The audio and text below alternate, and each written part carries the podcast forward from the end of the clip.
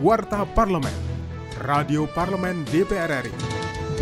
Dari Gedung DPR Senayan, Jakarta.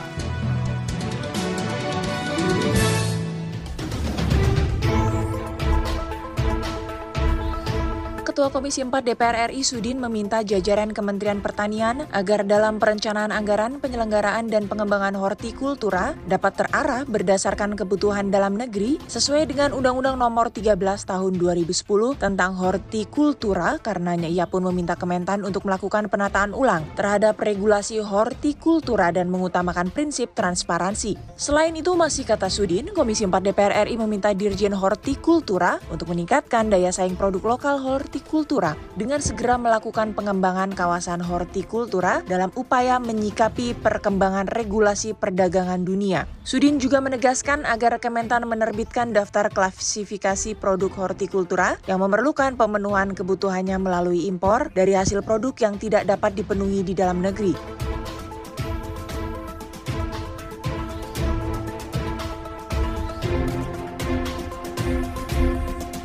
Rapat panja harmonisasi rancangan undang-undang tentang ketahanan keluarga masih mengalami dinamisasi perdebatan tentang urgensi dan tidak masih terjadi di antara pengusul dengan anggota dewan yang lainnya. Karena itu, Wakil Ketua Badan Legislasi DPR RI Willy Aditya mengungkapkan bahwa panja Badan Legislasi merekomendasikan kepada para pengusul untuk membuat sandingan dengan undang-undang yang terkait, di mana letak lex spesialis dalam RUU Ketahanan Keluarga. Panja ini merekomendasikan sekali lagi kepada pengusul untuk membuat sandingan dalam beberapa hal dengan undang-undang yang terkait di mana lex spesialisasinya, rancangan undang-undang ketahanan keluarga dibandingkan dengan undang-undang perkawinan, dibandingkan dengan undang-undang kependudukan, dan undang-undang sistem pendidikan nasional. Para pengusul RUU ketahanan keluarga diminta menjabarkan argumen yang lebih rasional tentang urgensi peran negara, bukan untuk mengintervensi ruang privat negaranya.